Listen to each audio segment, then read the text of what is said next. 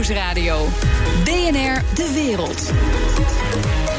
Bernard Hammelburg. Welkom bij het beste binnenlandse programma over het buitenland. Straks. India wordt beschuldigd van vreselijke mensenrechten zoals marteling in Kashmir. Toch noemen we India de grootste democratie ter wereld en blijven westerse leiders aanschurken tegen premier Modi.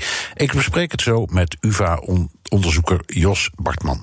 Eerst Boris Johnson leidt nederlaag op nederlaag in het Britse lagerhuis. De chaos is compleet. Good evening from Westminster. Boris Johnson has suffered another two major setbacks today for his Brexit strategy.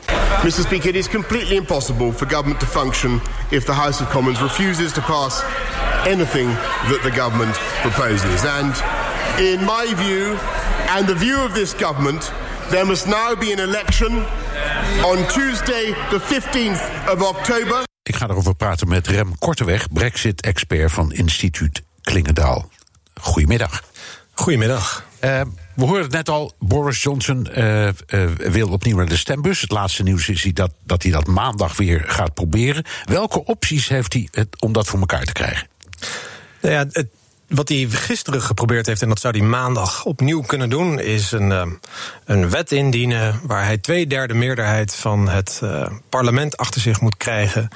Om te vragen om, uh, om nieuwe verkiezingen uit te schrijven. Dat is eigenlijk de, de makkelijkste route. Ja, dus in feite het, het, het verzoek herhalen wat hij al heeft gedaan. Ja, ja, en het is wel belangrijk om even uit te leggen, want uh, dit, dit, is één van de manieren waarin hij het parlement zover kan krijgen. Dan heeft hij, als dit uh, in uh, herhaling weer niet lukt, zou hij het nog kunnen forceren via een tweede route. En dat is uh, iets ingewikkelder. En dat is ook iets minder aantrekkelijk voor hemzelf. Want dan moet hij niet alleen het lagerhuis meekrijgen, maar ook het hogerhuis. Dus dat is de House of Lords.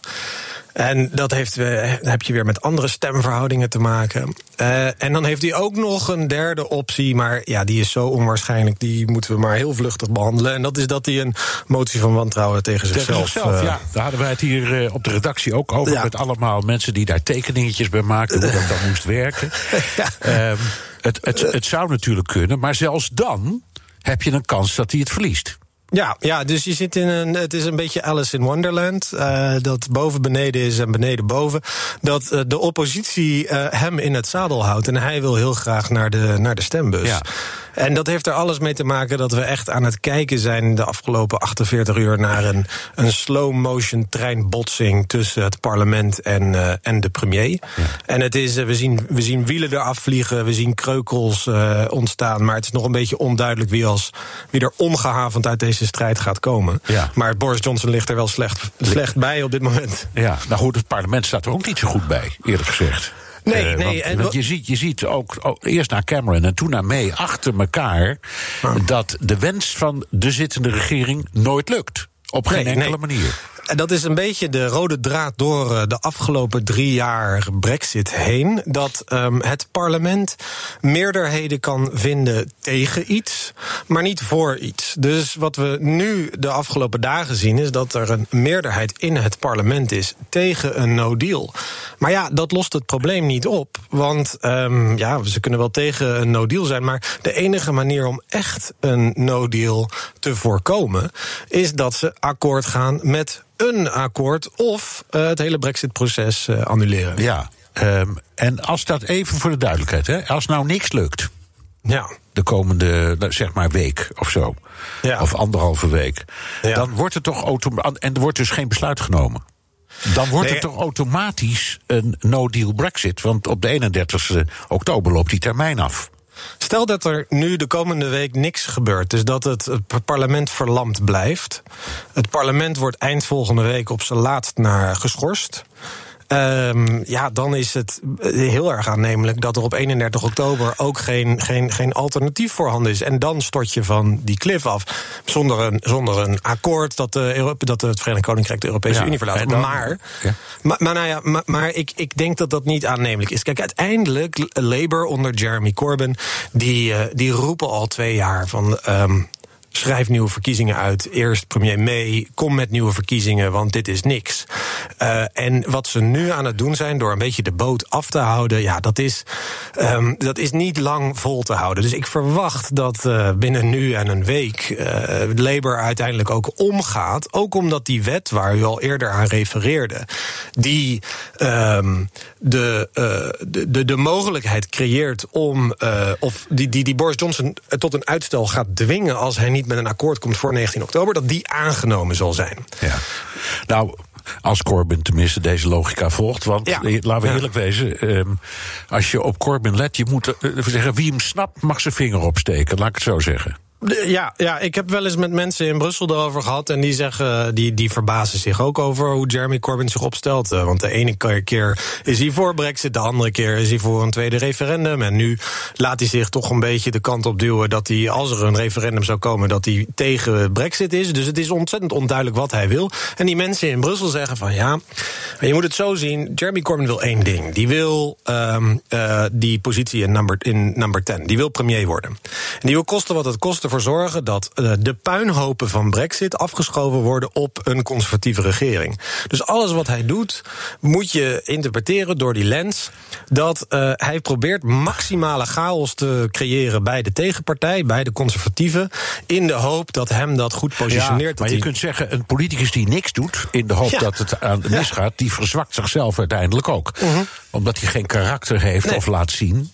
Dus de kiezer trekt dan toch, als puntje bij paaltje komt, misschien weer naar Johnson. Ja, en, en daarom denk ik dat het niet vol te houden is dat hij niet binnen nu en een week eh, toch instemt met verkiezingen. Want eh, zijn geloofwaardigheid staat ook op het spel. En belangrijker nog, Boris Johnson is al begonnen met campagne voeren. Het, we zitten in een hele gekke situatie dat er geen verkiezingen zijn uitgeschreven. Maar voor Boris Johnson, de huidige premier, is het al campagneseizoen. Hij gaat vanmiddag ook weer een, een speech geven voor, ehm, voor, eh, voor Downing Street.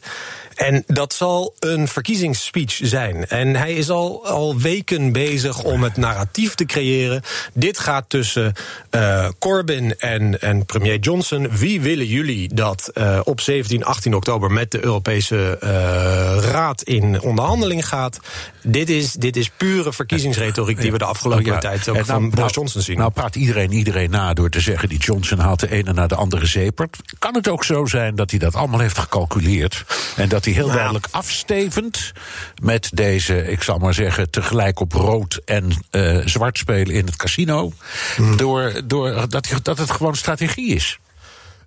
Voor een deel zal zijn initiële insteek bewust zijn. Dat is bewust aansturen op verkiezingen.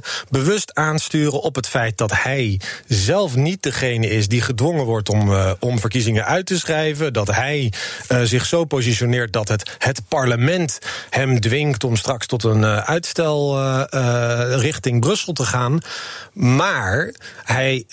Overspeelt zijn hand op een aantal vlakken. En het belangrijkste waar je naar kan wijzen is wat er gebeurt binnen de conservatieve partij. Ja. Dus het rukzichtloos uit die partij zetten van 21 ehm, zeer, Ja, eh, prominente, gerespecteerde, zeer prominente leden, ja, precies. ja, die, keert, die keert zich als een boemerang tegen hem. En daar zie je toch dat hij, ehm, al- als het bewust is, dat hij zich echt, eh, echt Ja, maar hij had, al, heeft. hij had al een week van tevoren aangekondigd. Wie, wie eh, een beetje à la Bush 2, wie niet voor me is, is tegen me. Dus ik, dat hij die mensen eruit zou gooien, dat, was, ja, dat, dat stond van tevoren vast. Dus dat je kan klopt. zeggen dat past dan ook in die strategie die hij al had bedacht. Ja, nee, zeker. De, en Dominic Cummings, die, die kan dat is zijn hoofdadviseur. Ja. En dat is waarschijnlijk degene die. eh, Het brein. Uit wiens, koper, uit Ja. wiens koker dit komt. Die, eh, die zal zeggen: kijk, ehm, als wij die verkiezingen willen winnen. dan moeten wij eh, ervoor zorgen dat de Remainers uit onze partij vertrekken. Want de belangrijkste breuklijn in de Britse maatschappij op dit moment is Remain versus Leave. Dat is niet rijk versus arm, dat is niet conservatief precies, versus ja. Labour. Dat gaat over die vraag hoe je gestemdheid. Dat is de, de manier waarop veel Britten zich nu primair identificeren. Ben je een Remainer of ben je een Leaver? Ja. En zolang die breuklijn dwars door de conservatieve partij loopt, ja, kunnen wij niet effectief eh, ja, de, de, de bevolking voor ons winnen. En waar gaan, valt- waar, waar gaan die 21 heen? Of anders gezegd, in de districten waar die vandaan komen. nou hoe, dat is- hoe, vervangt, hoe vervangen de Tories daar hun kandidaten? De, de conservatieve partij is traditioneel een vrij brede partij. En wat Dominic Cummings met deze strategie probeert te doen, is, hem, is, hem, is de partij veel smaller maken. Dat het alleen maar gericht is op die, die fervente pro-Brexit-stemmer.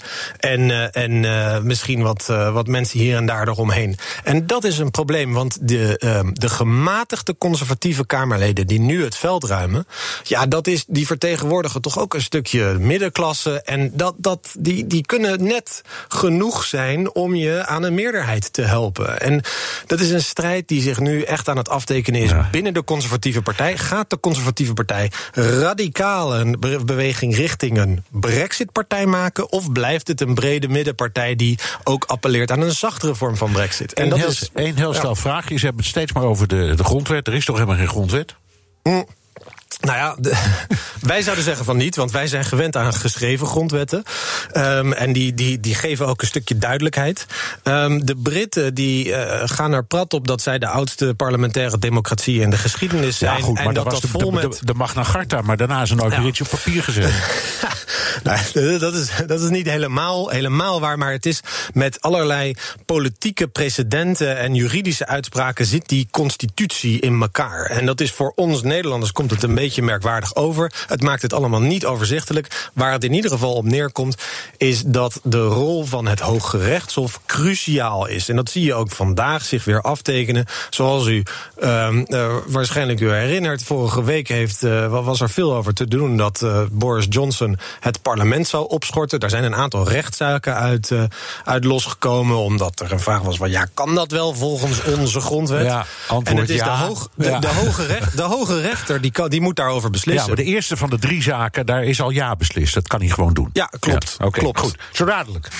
Boris Johnson beweert dat hij juist zo dichtbij een deal met de EU was... voor het parlement hem in de weg ging zitten. Maar is er, er is helemaal niemand in Westminster of Brussel... die er iets van schijnt te weten. Welk spel speelt Bojo hier? Europese Unie niet gaat bewegen. En dat de Europese Unie en ook de individuele lidstaten het keer en uh, regelmatig hebben gezegd de laatste tijd. Van ja, het onderhandelingsresultaat wat we bereikt hebben met Theresa May is het maximaal haalbare onder de huidige omstandigheden. En, de, de, de, de, en dat maximaal haalbare dat is gebaseerd op de rode lijnen, op de afbakening die de Britten zelf gemaakt hebben. En dus zeggen, ja, de, de, het heeft geen zin om daar opnieuw over te praten. Tuurlijk kunnen we hier en daar nog wel een paar aanpassingen doen, maar grote wijzigingen in dat onderhandelingsresultaat, die hoeven jullie niet te Nee, verwachten. dat begrijp ik. Maar ik denk dat Johnson handig genoeg is om een paar kleine aanpassingen al uit te leggen als een magistrale overwinning. Wat voor aanpassingen zouden dat dan kunnen wezen? Nou, dat zouden er een paar kunnen zijn. Dan moet je denken aan uh, bijvoorbeeld de duur van de transitieperiode. Dus er is nu in het uittredingsakkoord staat dat er een maand of 19 nadat het uh, uittredingsakkoord van kracht gaat, dat alles bij hetzelfde blijft. Het is niet aannemelijk dat je in 19 maanden een uh, uitonderhandeld vrijhandelsakkoord hebt die alle um, puntjes op de i zet over de toekomstige relatie. Dat je eigenlijk iets meer tijd nodig hebt. Dat is één punt waarvan ik denk dat de Europese Unie daarmee akkoord zou gaan. Het tweede is heel belangrijk op die, op die backstop, hè, waar, waar zoveel over te doen is. Um, daar kan je twee wijzigingen je voorstellen die de Europese Unie wel zou willen. Eentje is uh, de backstop zoals nu geformuleerd, die ook echt als een. Als een um, wacht, als een, wacht even, ik ga even iets heel onbeleefd doen. Maar laten we dat gewoon, uh, het is ingewikkeld, even, nog even uitleggen. Ja. Uh, het gaat om een regeling over de grens tussen Noord-Ierland en Ierland. En zeg ik het zo goed?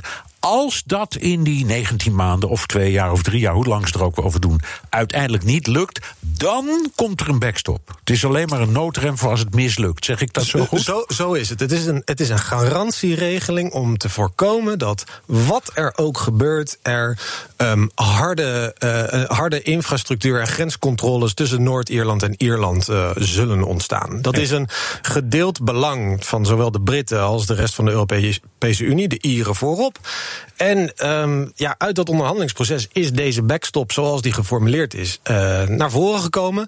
Met als belangrijke component uh, twee dingen. Allereerst dat Noord-Ierland en uh, Groot-Brittannië in de Europese douane-Unie blijven als die backstop van kracht is. En ten tweede dat Noord-Ierland Europese regelgeving op landbouw en op met name landbouwproducten blijft volgen. Dat zijn de twee zeg maar, technische componenten die de backstop maken maken. Ja, en als nou ik zeggen de Britten... Als ik nou Johnson heet, dan zeg ik dan blijven we dus via dat kleine grensje eh, in Noord-Ierland. Blijft dat hele blijven we gewoon een kolonie van dat hele grote Europa.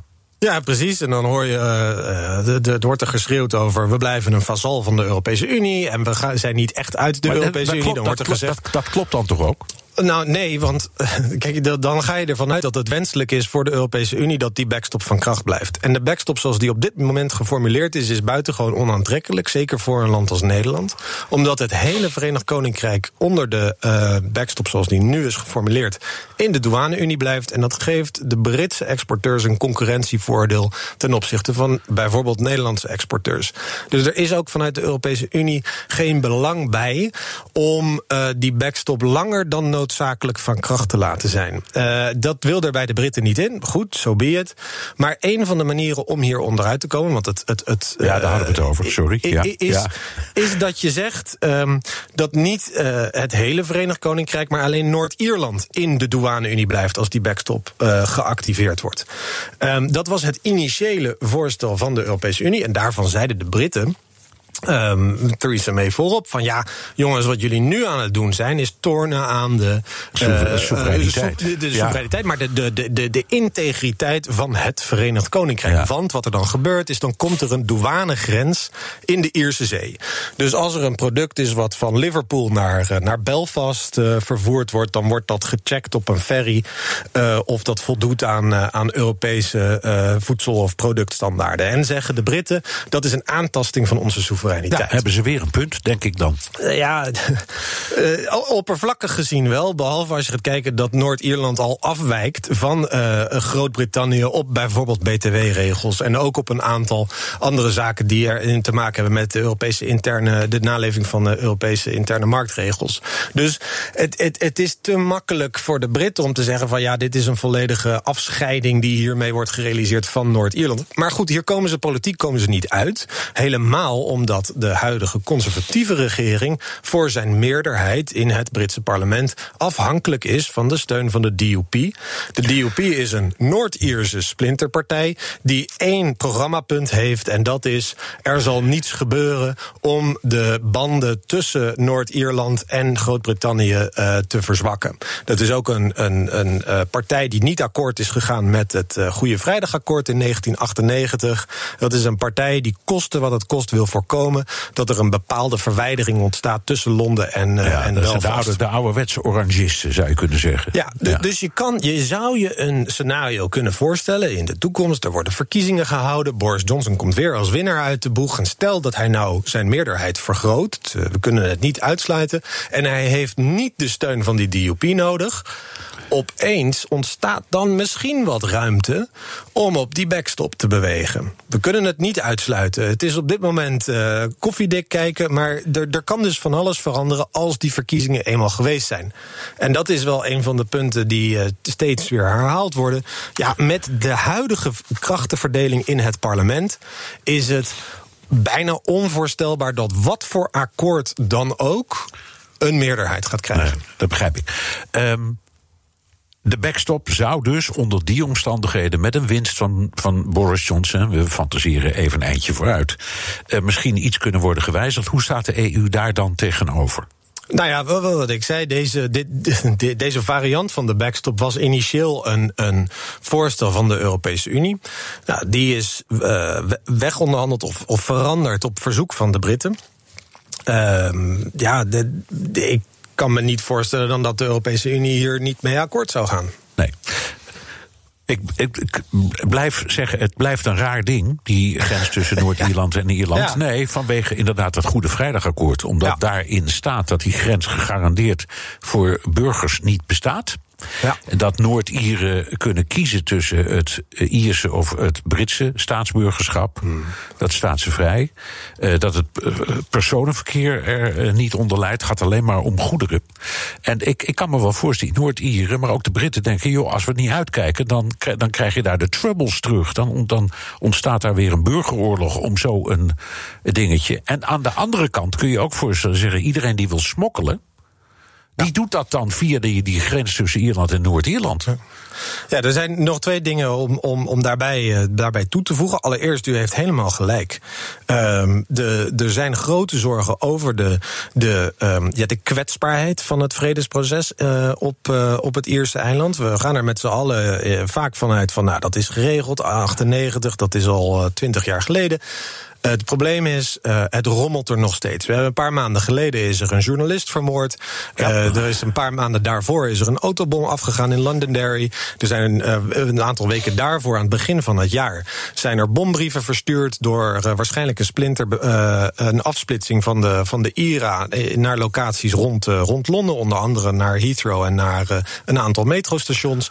Met andere woorden, we, we, we, we, we kunnen daar niet gemakkelijk overheen stappen dat het uh, allemaal koekenij blijft. En ik spreek met enige regelmaat met Ierse politici en die geven ook aan van jongens, dit is reëel. Dit is een, een absolute zorg die we. Um, ja, we willen niet terug naar die periode. Het tweede wat ik wilde zeggen is. Een van de andere redenen waarom. Uh, Theresa May destijds niet akkoord ging met die backstop alleen maar voor Noord-Ierland, is dat het uh, tot spanningen leidt met Schotland. Ja, Schotland. Want die hebben ook een onafhankelijkheidsbeweging. Ja, Schot en, en Schotland stemde overwegend pro-Europees. Uh, die, uh, de Nicola Sturgeon, de leider van de Schotse nationalisten, uh, die zegt ook altijd: um, ja, wij hebben in meerderheid voor ingestemd, voor Remain. En wat zou er gebeuren als die backstop voor Noord-Ierland van kracht wordt? Ja, dat is eigenlijk dat Noord-Ierland min of meer een uitzonderingspositie krijgt binnen het Verenigd Koninkrijk en zijn banden met de Europese Unie ja, kan blijven uit, uitbouwen. Ja, en het is een buitengewoon economisch. De Schotten natuurlijk, en wij dus ook. Uh, precies. Ja. En waarom, waarom alleen de Noord-Ieren? Waarom wij ook niet uh, zo'n uh, zo'n prachtige backstop-regeling? Ja, ja, en geef ze dan, gelijk. Ja. ja, en dan kom je op een hellend vlak terecht. En dat is een schrikbeeld voor een hoop, ja, ik, voor een hoop unionisten. Ik zei straks, als je al die dingen hoort, je begrijpt het ook van Johnson en de zijnen wel een beetje wat er allemaal speelt. Dus het, het is niet zo dat ze allemaal uh, ik zal maar zeggen, totaal gestoord zijn of zo in, in deze angsten en opvattingen. Maar ik moet aan een Brexit-expert de enige vraag stellen die je kunt vragen: hoe gaat dit allemaal aflopen? En wanneer? Ja. Ja, ja ik, ik, heb, ik, weet, ik weet het zelf niet, maar ik heb gelukkig een expert die weet het wel. Ja, ik, ik, ik um, la, la, laat ik vooropstellen dat um, de, als er geen verkiezingen gehouden worden, als het parlementaire kaartendek niet geschud wordt, dan komen we hier niet uit. Maar zelfs als er straks een akkoord zou zijn, is dat pas het begin van. Van, um, van 19 maanden of langer. Nee, van, van gewoon het ontwikkelen van nieuwe betrekkingen nee, tussen het Verenigd Koninkrijk dat, en de Europese Dat begrijp ik. Maar dat, de eerste nee, nee, prioriteit is dat we er nu wel uitkomen. Het, het punt is dat um, je dus niet kan zeggen. Stel dat 31 oktober er no deal is. Ja, nou oké, uh, dat is dan, dan is de zaak afgelopen. Nee, absoluut niet. Op 31, op 1 november begint dan een heel nieuw circus aan, aan onderhandelingen. Zelfs als ze met een akkoord eruit gaan is het, is het verhaal niet afgelopen. We, we zitten te kijken naar jaren van onderhandelingen. En als er met een akkoord eruit gaan, mocht dat zo zijn, dan um, valt niet uit te sluiten dat over vijf of tien of vijftien jaar dat er opeens een beweging op gang komt en die zegt van goh, eigenlijk willen we onze, onze keuze heroverwegen. En misschien willen we wel weer lid worden van de Europese Unie. ja. En dus de, waar het mee te maken heeft, is dat de identiteit van de Britse politiek die is onlosmakelijk onlosmakelijk verbonden met zijn relatie met Europa. En die is conflictueus, die is af en toe positief, die is in de huidige situatie is die redelijk negatief. Maar dit is onderdeel van het zijn van Brits. Dat je een soort, ja, uh, misschien een soort schizofrene relatie hebt met het continent. Ja. We blijven allemaal gekluisterd aan de buis. Daar zijn we het over eens. Want dat is het fantastisch, dat lagerhuisdebat. Dank. Rem Korteweg, Brexit-expert van Instituut Klingendaals. BNR Nieuwsradio. BNR De Wereld. Bernard Hammelburg. Het drukste treinstation van heel Europa staat een gigantische metamorfose te wachten. Mesdames et messieurs, votre attention s'il vous plaît. En raison de travaux de modernisation sur la voie, sur l'axe Paris. Gare du Nord in Parijs. Daar kom je aan als je vanuit Nederland met de trein naar de Franse hoofdstad reist. Trouwens ook van andere bestemmingen. Het treinstation zal veranderen in een enorm winkelcentrum. Claimen woedende critici. Europa-verslaggever Jesse Pinster. Wie zijn er zo woedend? Beroemde Franse architecten en kunsthistorici. Bijvoorbeeld zo iemand als Jean Nouvel, dat is de architect van het Louvre in eh, Abu Dhabi, niet in Parijs. Um, en die hebben een brief geschreven naar de grote Franse krant Le Monde. En het is werkelijk een woedende brief waarin ze dus ja, over de verbouwingsplannen van het station zeggen. Waar dus de Eurostar, de Thalys aankomen, waar dagelijks 700.000 mensen doorheen gaan. Dat is vier keer Utrecht Centraal, om je een beetje een idee te geven. Maar die plannen die daar liggen, die zijn onwaardig en onacceptabel. Ze zijn een belediging, zelfs een misdrijf tegen de mensen die met het openbaar vervoer reizen. En ze noemen het een farao-project wat de prullenbak in moet en helemaal opnieuw gaat. Het klinkt alsof ze, de, alsof ze de rails willen oprollen. Wat zijn ze eigenlijk van plan? Nou, kijk, ze willen daar allemaal winkels en bedrijfspanden en kantoren gaan bouwen. Zo'n 50.000 uh, vierkant, uh, ja, 50.000 vierkante meter. Dat is nou nog een stukje groter dan Hoog Katerijnen nog even in Utrecht uh, te blijven. En een groot deel daarvan moeten winkels uh, uh, gaan worden. Maar het is Frankrijk, dus er komt ook een postkantoor, een bibliotheek iets minder Frans, misschien een, een heel groot dakterras. Daar kan je gaan hardlopen. Nou het is een, een, een behoorlijk groots plan, wat zo'n 600 uh, miljoen moet gaan kosten moet ook allemaal ruimte komen vanwege de brexit. Je ontkomt er deze week bijna niet aan. Want uh, ze hopen dat er allemaal Londense bedrijven... die gaan dan daar zitten, want die kunnen dan snel met de Eurostar op en neer. Ja, dan moeten douanecontroles... En dan je lekker dicht bij het station, snap ja, ik ook wel. En ja. douanecontroles moeten daar gaan plaatsvinden ja. vanwege die brexit. Maar ik, ik heb even goed naar al die beelden gekeken. Wat ze allemaal voor mooie tekeningen gemaakt hebben. Het is een beetje een soort glazen bolwerk wat ze er omheen gaan bouwen. En het is toch een beetje alsof een ondernemer in het Westland een beetje te veel geld over had toen hij een tomatenkast neerging. Ja, ja, ja, ja. Nou is het zo dat als je over een vliegveld loopt, moet je ook altijd tussen de winkels en bedrijven door. Dat is nou helemaal zo. Je kan toch ook kunnen zeggen: ik moet op Gare du Nord op de Thalys naar Amsterdam, ik noem maar wat. Um, en ik, uh, ik loop gewoon langs die winkels heen. Ik let er verder niet op. Zo erg is dat toch ook. Ja, je kan ze nog een beetje ontlopen zelfs. Volgens mij kan je aan de voorkant daar straks ook nog wel in. Maar als je moet gaan overstappen, bijvoorbeeld van de metro op de trein. Je komt van je hotel en je ja. pakt eerst een paar haltes met de metro. De RER en dan de trein, ja, natuurlijk. Nou, ja. wat schrijven ze in uh, die brief, die critici? Dan word je eerst zes meter omhoog geleid, ga je dat winkelcentrum in. Dan zijn allemaal loopbruggen, trappen tientallen liften en die moet je allemaal gaan zoeken. En dat wordt allemaal een hele lange route die je moet gaan lopen voordat je eens een keer op een uh, perron uh, terecht gaat komen. En ja, wat je zegt, het is een beetje het idee van een luchthaven natuurlijk. Weet je, dan moet je ook, als je van de ene naar de andere gate wil of naar de incheck, je zal altijd door de winkels ja, moeten gaan lopen. Nou, zeg dat tegen Franse intellect, linkse intellectuelen en ze zijn woedend. woedend. Waarom is die verbouwing noodzakelijk? Het is wel een beetje rommelig daar, soms. Weet je, dat, daar, dat valt wel, wel zeggen, ja. daar valt wel iets voor te zeggen. En als je goed kijkt, staat er misschien ergens nog wel een emmertje... die dan nou, de waterdruppeltjes van een lekkage aan het uh, opvakken, uh, opvangen is.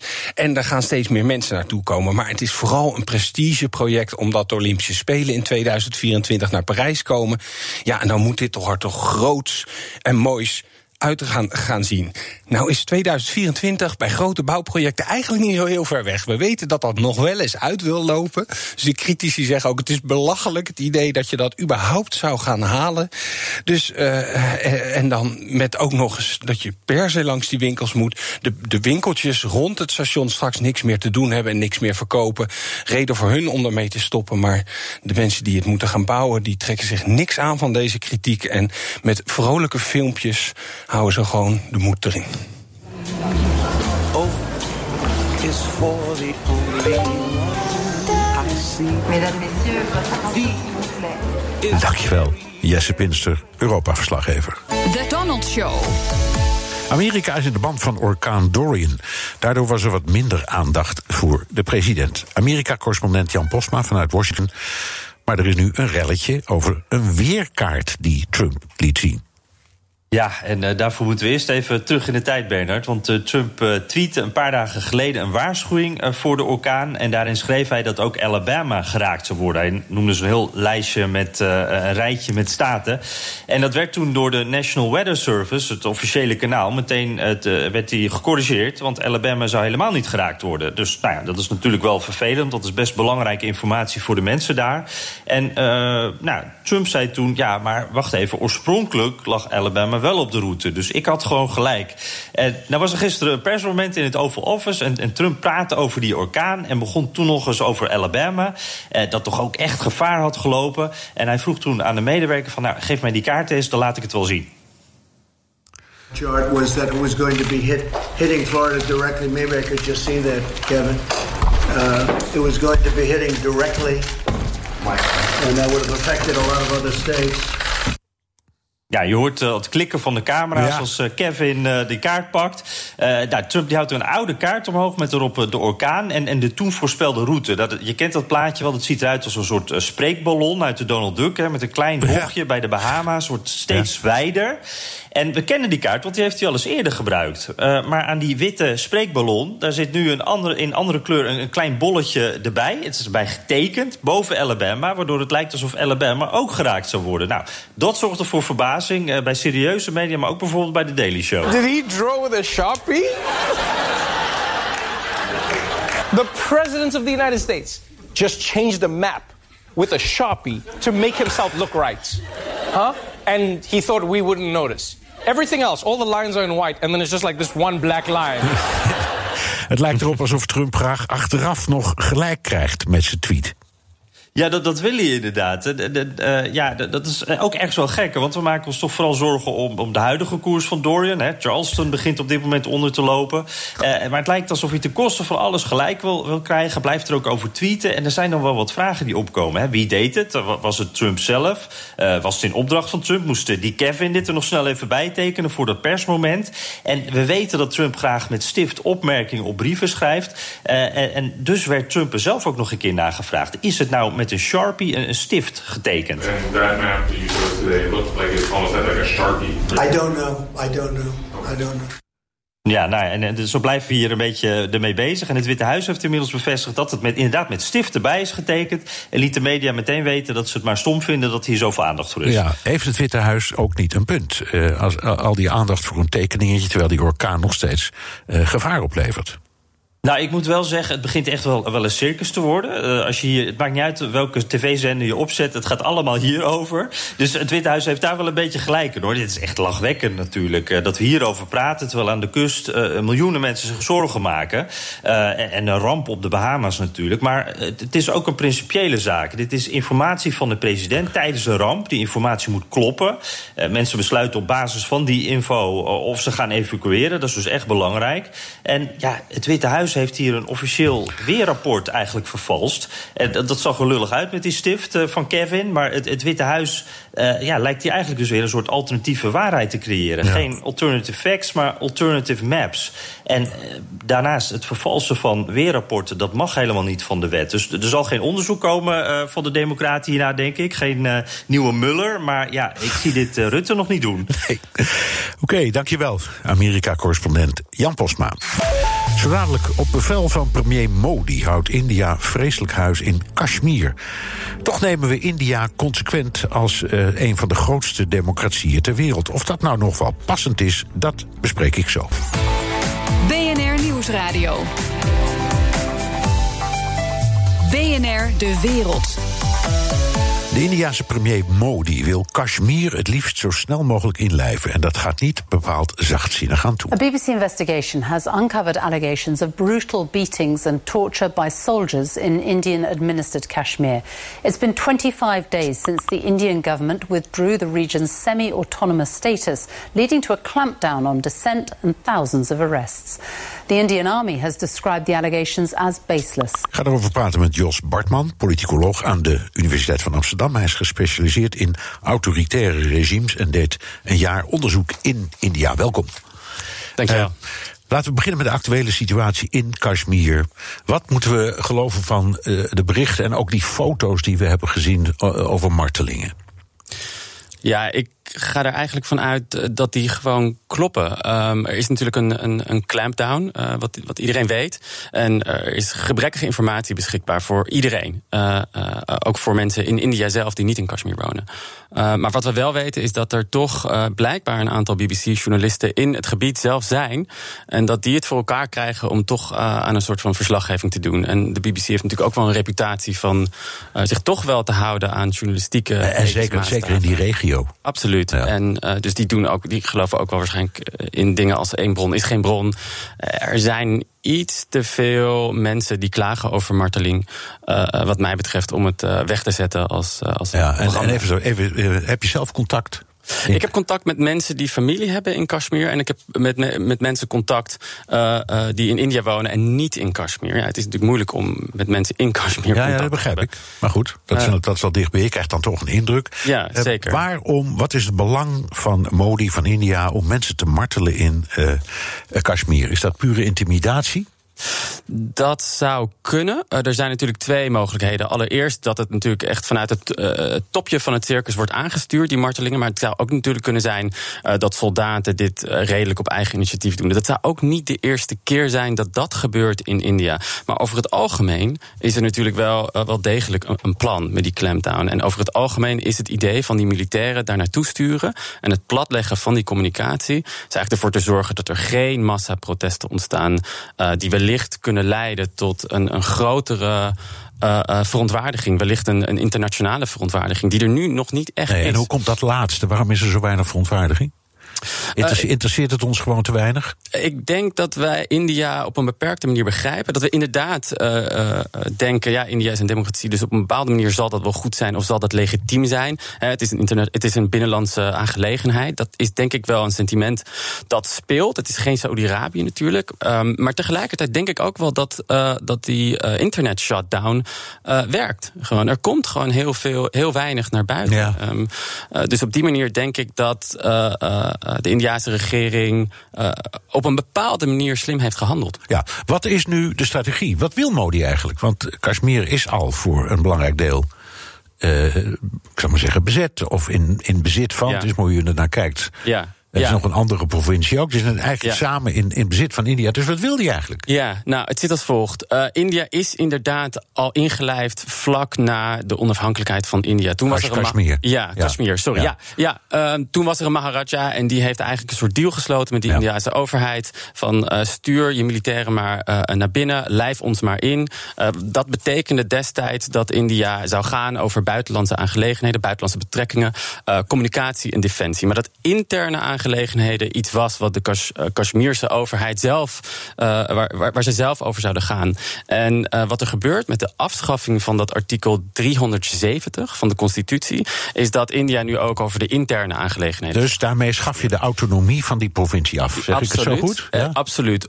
Tot op het niveau dat bijvoorbeeld uh, de, de Kashmirse overheid niet meer gaat over settlement. Dus wat er nu bijvoorbeeld kan gebeuren, is dat Hindoes uh, zich vrij kunnen gaan settelen in Kashmir. En dat is natuurlijk een angst van mensen in Kashmir. is in feite wat de Chinezen hebben gedaan met Tibet. Door steeds meer Han, Han-Chinezen naar Tibet te sturen.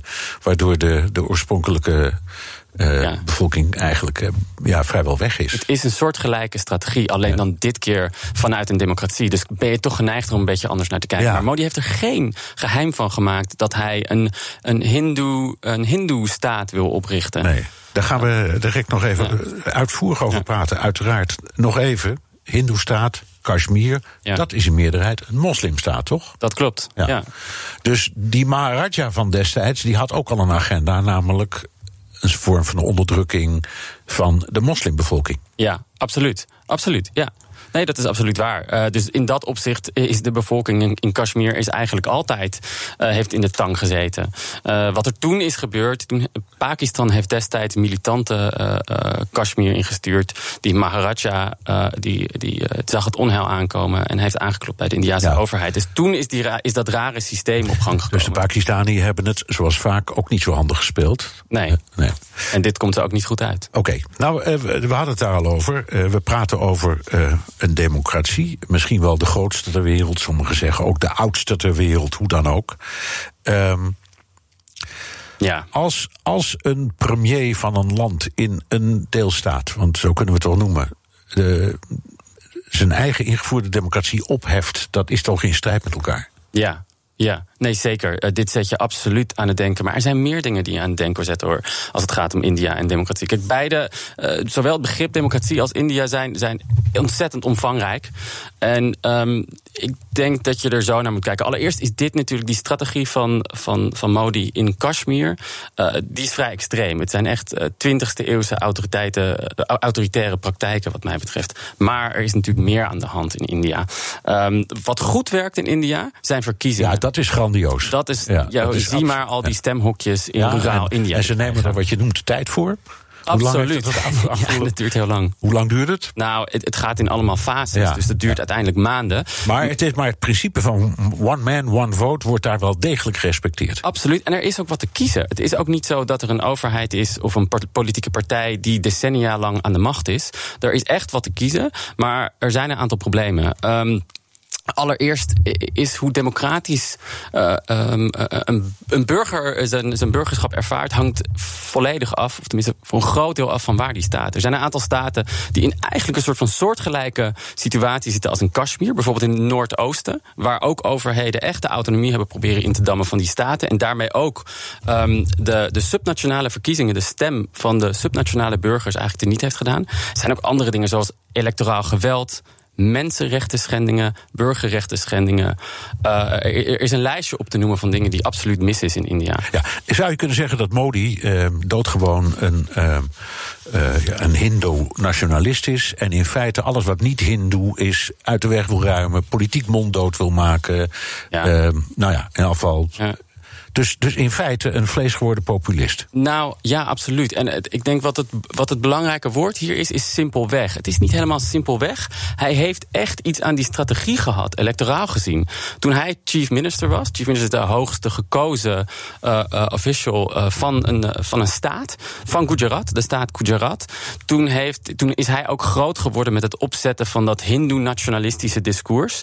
Sterker nog, uh, vlak voordat hij prime minister is geweest, is hij vrijgesproken uh, voor de betrokkenheid uh, bij het organiseren van rellen tussen Hindoes en moslims, waar duizenden moslims bij zijn overleden. Dus het is een hele omstreden figuur.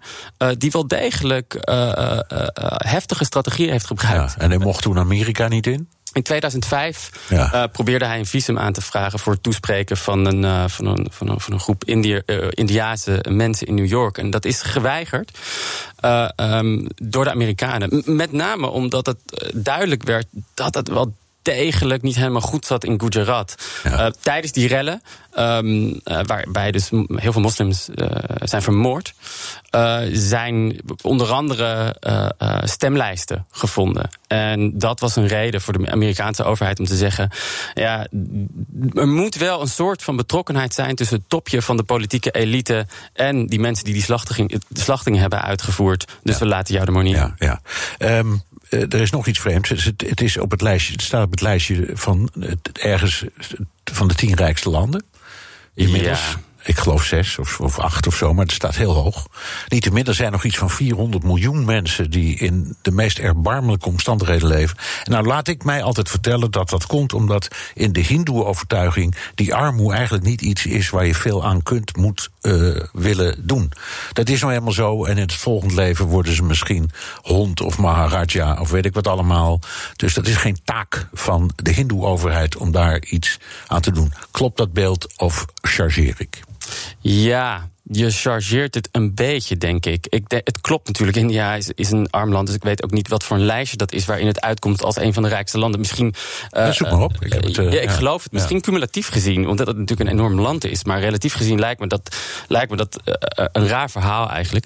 Um, nou, uh, je moet je bijvoorbeeld wel een nuance is dat uh, Modi zelf ook eigenlijk niet uit een hoge kaste komt, bijvoorbeeld, uh, maar een wat lagere kasten. En hij spreekt wel degelijk uh, ook de wat lagere kasten aan. Dus hij heeft ook de stemmen nodig uh, van de wat lagere kasten. Dat betekent niet meteen dat alle sociaal-economische problemen zijn opgelost. Uh, er zijn verschillende sociaal-economische problemen die denk ik wel ook nog teruggaan tot, tot het koloni kolonialisme. Ja. Um, maar die zijn er natuurlijk maar goed, in verschillende het beeld van mensen die, mensen die in de goot slapen, dat is daar nog zeer duidelijk een feit. Oh, absoluut. Ja, uh, ja. hartverscheurend. Ja, ja, nou, nou, nou, uh, tenslotte, want het gaat ook over ons. Dit soort, waarom gaat het over ons? Wij zijn allemaal wel, wel gesteld op die modi. Uh, ja. de, de, Trumps en de Ruttens en de Macrons en zo van deze wereld. Die vinden het eigenlijk wel een toffe peer. Een, liberaal, makkelijk in, in handelsbesprekingen. Ja. Ehm, speelt, Mm. Geven we hem daarmee als het ware vrij spel? Ergens wel. Kijk, dit is natuurlijk gewoon hoe internationale politiek ook werkt. Eh, er zijn ook handelsrelaties met uh, Saoedi-Arabië. Uh, dus ook, dat soort, ook met dat soort extreme gevallen kan dat, helaas. maar het is inderdaad zo dat Modi is gewoon een slecht begrepen figuur, denk ik. ik denk dat er weinig mensen zijn, of zouden zijn, dat op het moment dat Rutte op staatsbezoek zou, zou, zou gaan in India, dat er mensen zouden zijn van hé, hey, maar wacht eens even, wat heeft die meneer Modi in 2002 allemaal wel niet uitgehaald. Uh, dat, dat collectieve geheugen. Waarschijnlijk, waarschijnlijk mede, mede, mede schuldig aan massamoord. Ja, maar zeker weten. Ja, ja, ja, absoluut. En is dat, ik weet dat, maar dat weten ze toch hier? Dat weet het ministerie van Buitenlandse Zaken bij de voorbereiding van dit soort. of bij het onderhouden van dit soort contacten toch precies? Ja, de vraag is natuurlijk een beetje: weet, weet het publiek het? Komt er een soort van. komt er een kritiek? Komt er ja. kritiek vanuit het, vanuit het parlement? Uh, uh, waarvoor. Pas, past het allemaal tenslotte? We zijn door de tijd, ja, maar toch ook allemaal een beetje in de zweverigheid over het denken over India dat uh, Europeanen vaak, uh, nou ja, in de ban heeft.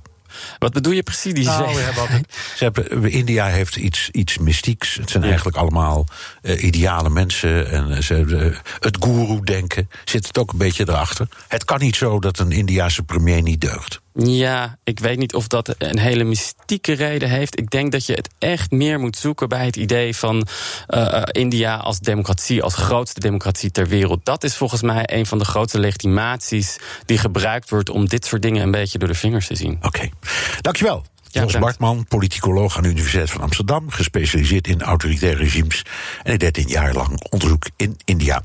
Tot zover BNR De Wereld. Reageren kan via een mailtje naar dewereld.bnr.nl. Terugluisteren kan via de site, de app, iTunes of Spotify. Tot volgende week.